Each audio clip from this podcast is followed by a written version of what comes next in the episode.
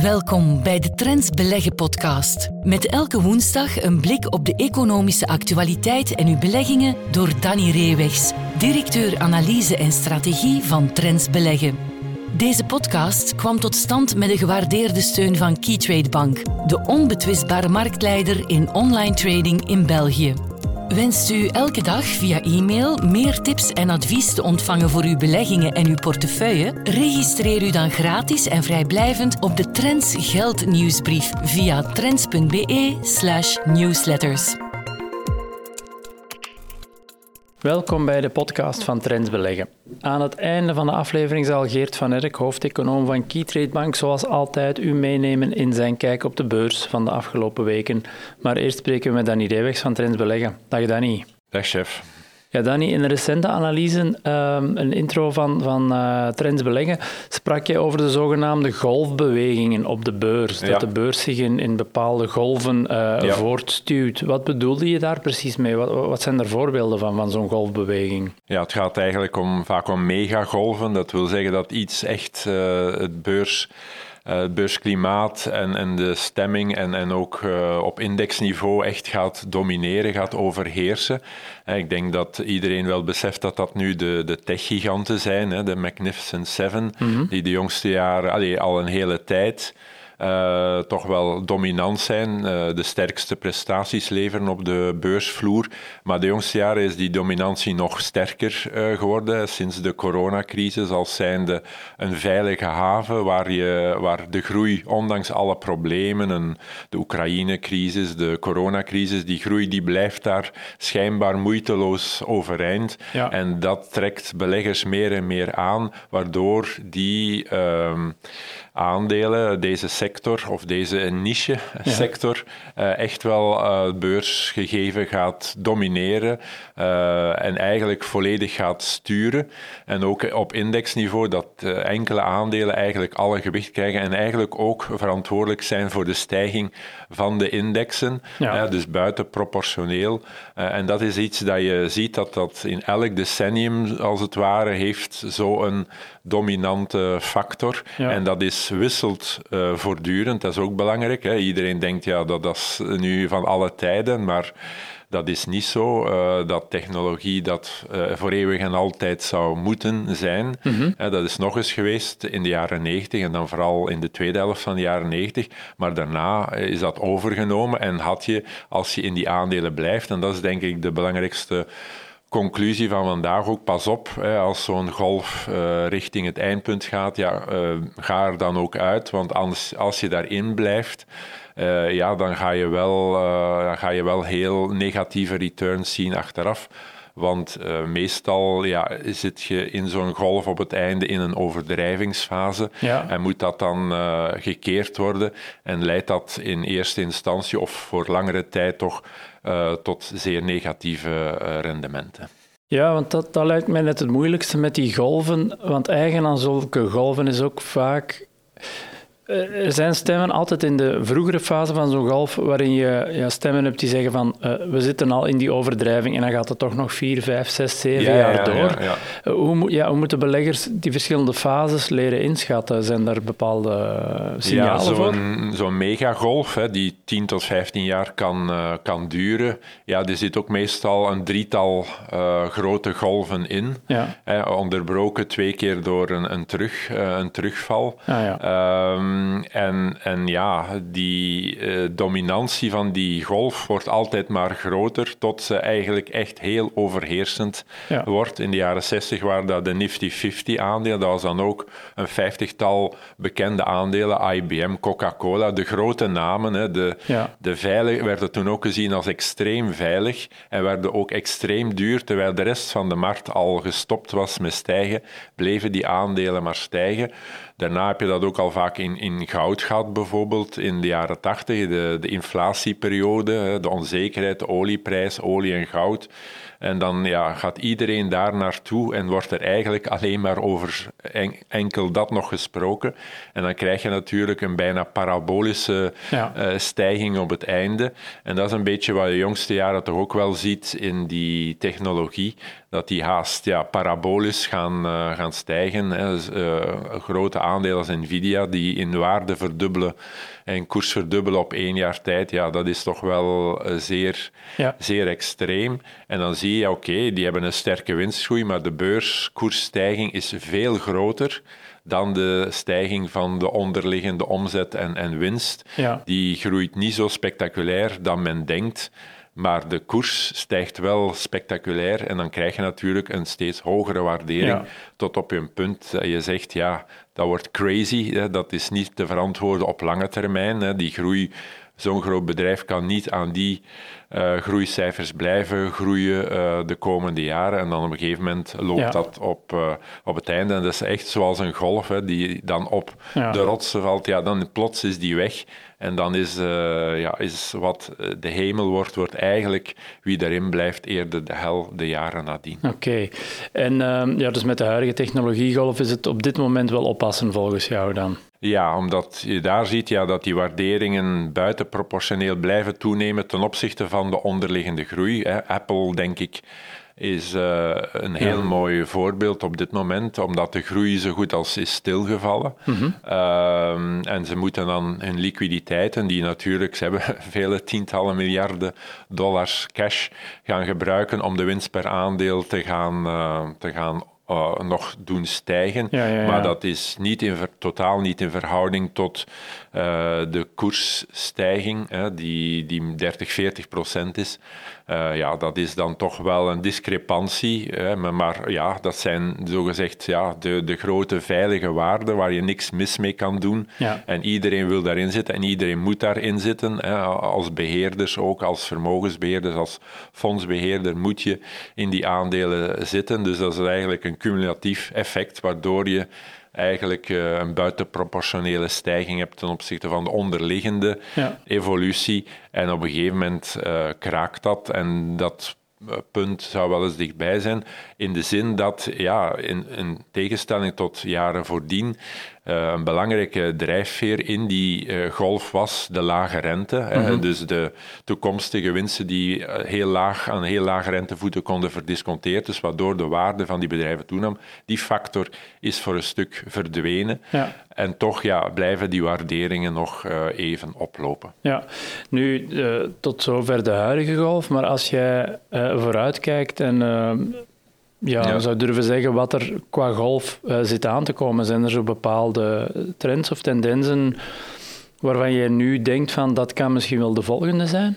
Ja, het, het, gekke is dat je moet kijken naar, naar zaken die in de voorgaande periode het heel slecht hebben gedaan. Ja. Dus de, de volgende golf is meestal iets dat uh, de vorige periode niet had gescoord. Zo is het ook zo dat die technologieaandeel bijvoorbeeld tussen 2000 en 2009 abnormaal slecht hebben gepresteerd. Hè. Dus echt de leggers, de, de, achterblijvers waren in het totaal, omdat ze in de vorige periode ook buitenproportioneel waren gestegen. Dus dat duurt een hele tijd, vele jaren, om die uh, herwaardering van extreem duur naar normaal of goedkoop gewaardeerd, dat duurt, ja, dat gebeurt niet op één of twee jaar. Nee, dat heeft vaak een decennium nodig mhm. om, uh, om terug te keren. Maar dan is die waardering zo laag, eigenlijk te laag ten opzichte van het potentieel dat herontdekt moet worden.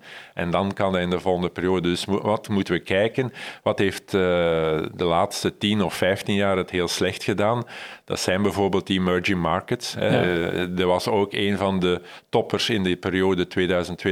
Iedereen had het over de BRIC-landen, Brazilië, Rusland, India, China.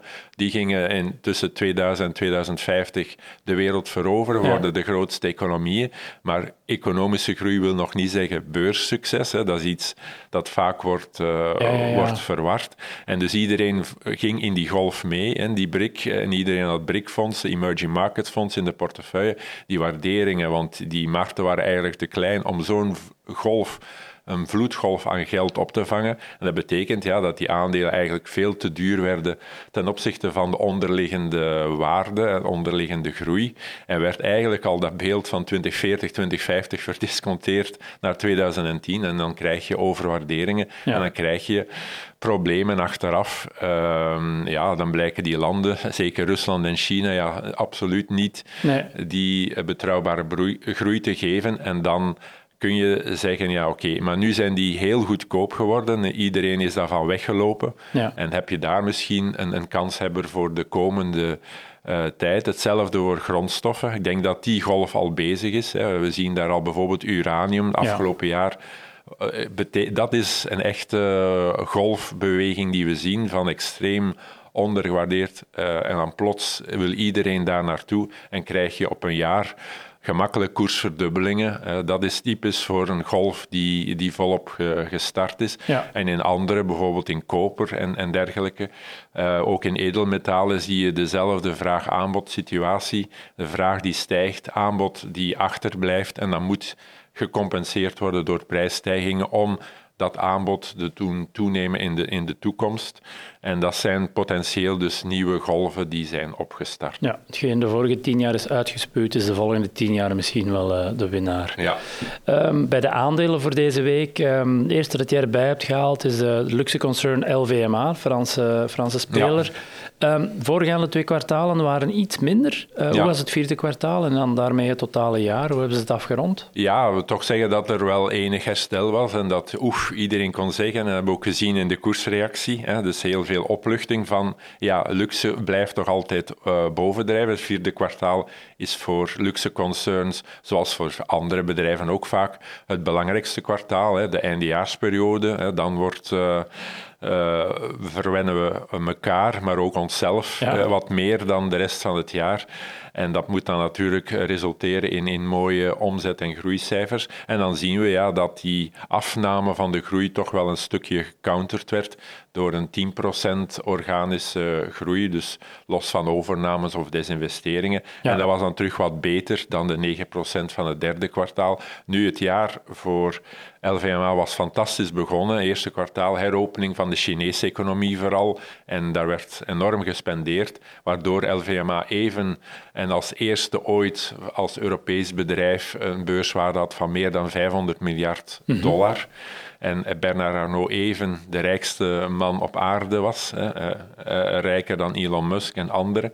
Um, maar bon, dan bleek je daarna ja, dat die Chinese economie, ja, dat dat een heel tijdelijk effect was, dat die, die groei eigenlijk tegenviel.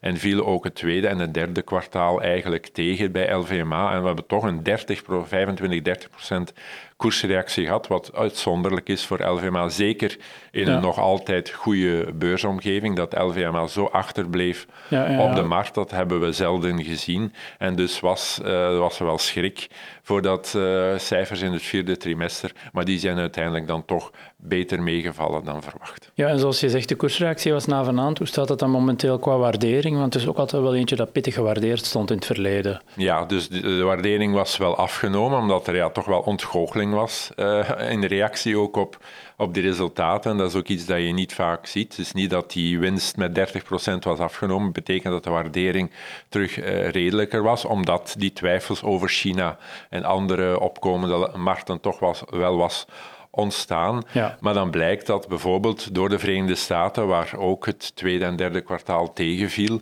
vooral dan de verkoop van sterke drank, bijvoorbeeld Hennessy, cognac, mm uh, was teruggevallen in Amerika. En dan zie je toch met de eindejaarsperiode dat even dat vergeten werd en toch terug wat meer geconsumeerd werd, ook in Amerika. Dus na twee kwartalen van, daal, van dalende omzet uh, was er dan toch terug een herstel, terug een stijging. Ja, ja en daarmee uh, een, een, een, herwaardering terug op niveau. Ja. Um, tweede aandeel dat jij erbij hebt gehaald, de Belgische logistieke vastgoedspeler WDP. Uh, die kwam ook met jaarresultaten recent.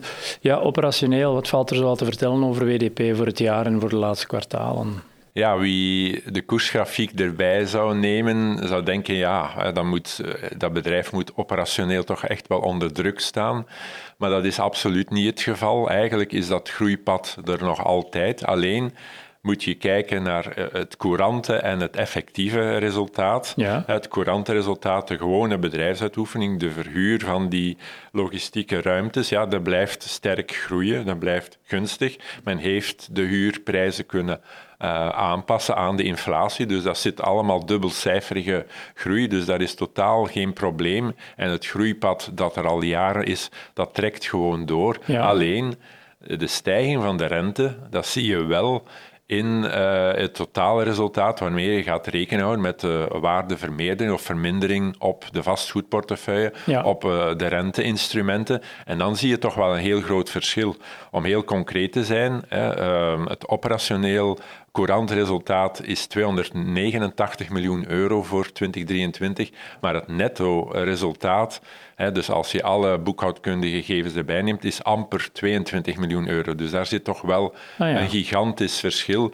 Per aandeel vertaald is dat 1,4 euro per aandeel tegenover 0,11 euro per aandeel. Dus daar zit nu, en ten opzichte van vroeger, een heel groot verschil tussen. En dat heeft dan te maken met het effect van die uh, rentes, van die ho duidelijk hogere rente die we kennen de jongste jaren ten opzichte van de tien jaar ervoor. Ja, want uh, als je dan zegt uh, die rente heeft een effect op de, de waarde van de vastgoedportefeuille, hoe, hoe is die dan geëvolueerd? Die is een beetje gestagneerd aan, moeten we zien. Ja, eigenlijk al, al enkele jaren. Dus de groei is er wel in, in op, oppervlakte en zo, maar in waarde niet, omdat die gedrukt wordt door die stijgende rente, waardoor je toekomstige huurinkomsten moet verdisconteren tegen hogere rente rentevoet naar mhm. vandaag. En dat drukt op die waarde. Dus totaal ben je licht gestegen. De totale portefeuille is van 6,7 naar 6,8 miljard euro waarde gegaan. Ja. Dus per aandeel blijf je hangen rond ongeveer die 20 euro per aandeel.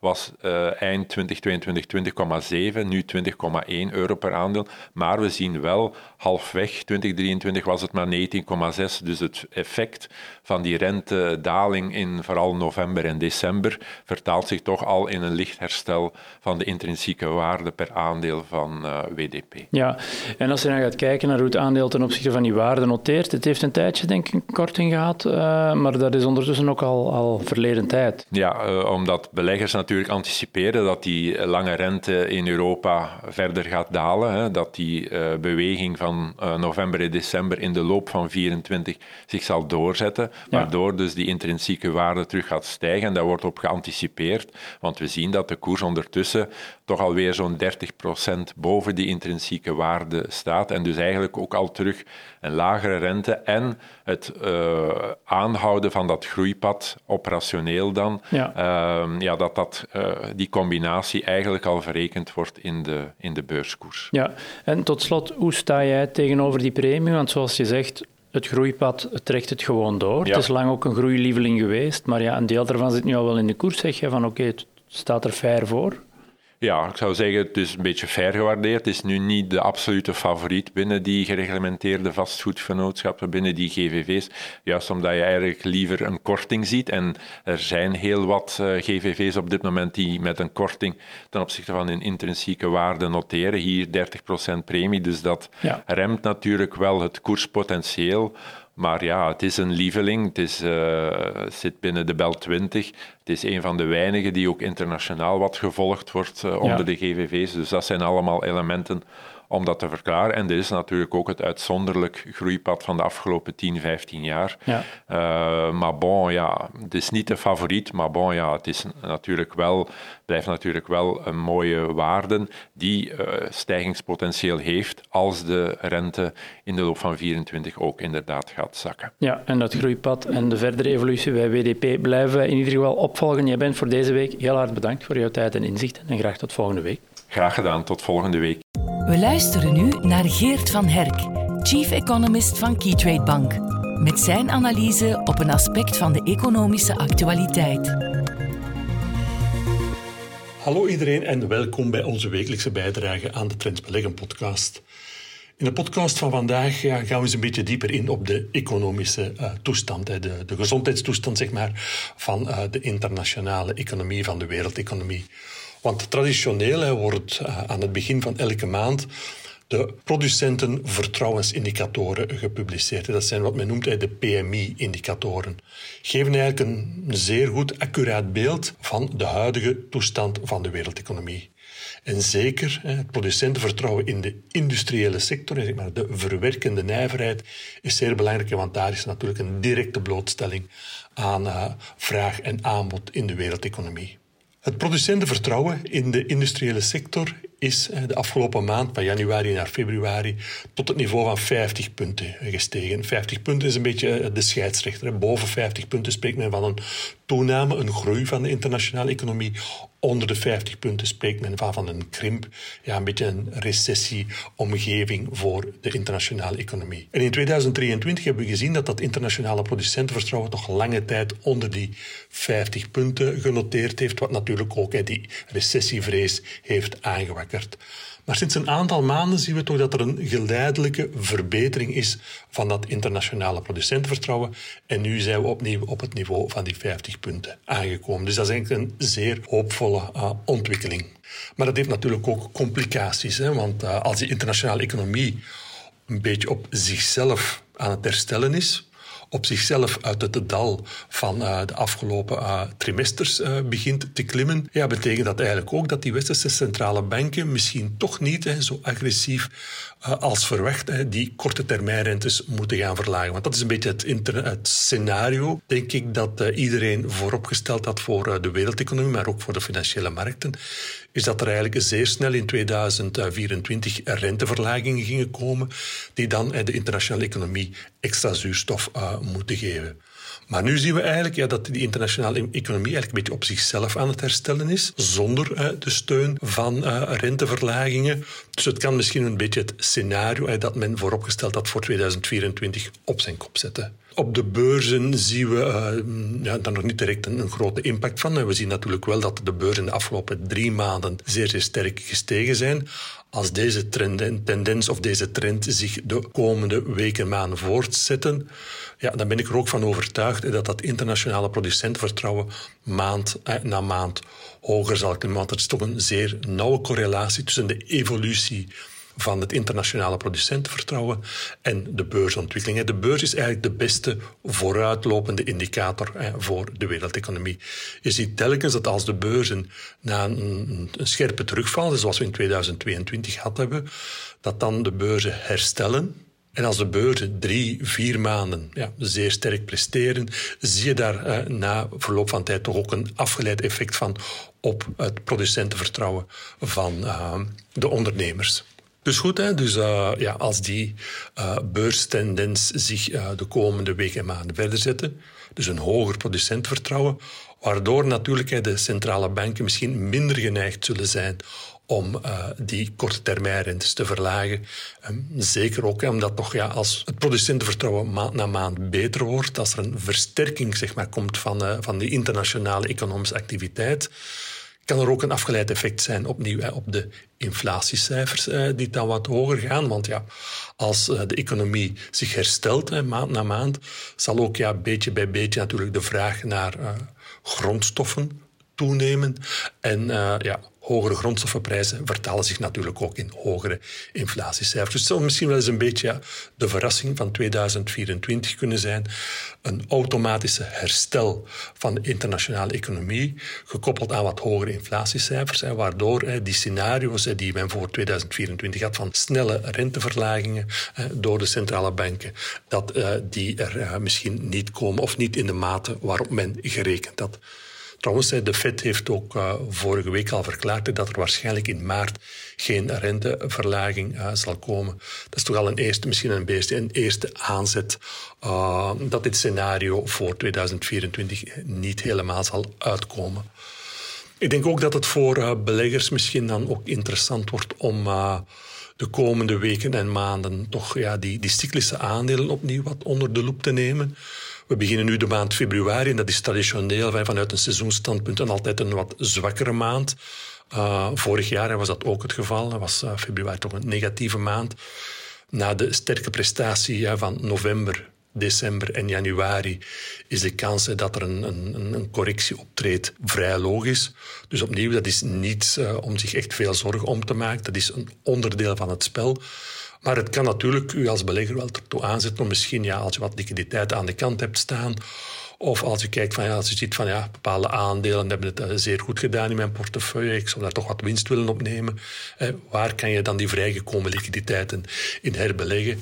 En dan blijf ik opnieuw denken aan eh, de cyclische aandelen. Als we naar Brussel kijken, valt het nog toch op wat uh, dat Umicore week na week altijd lagere niveaus begint op te zoeken.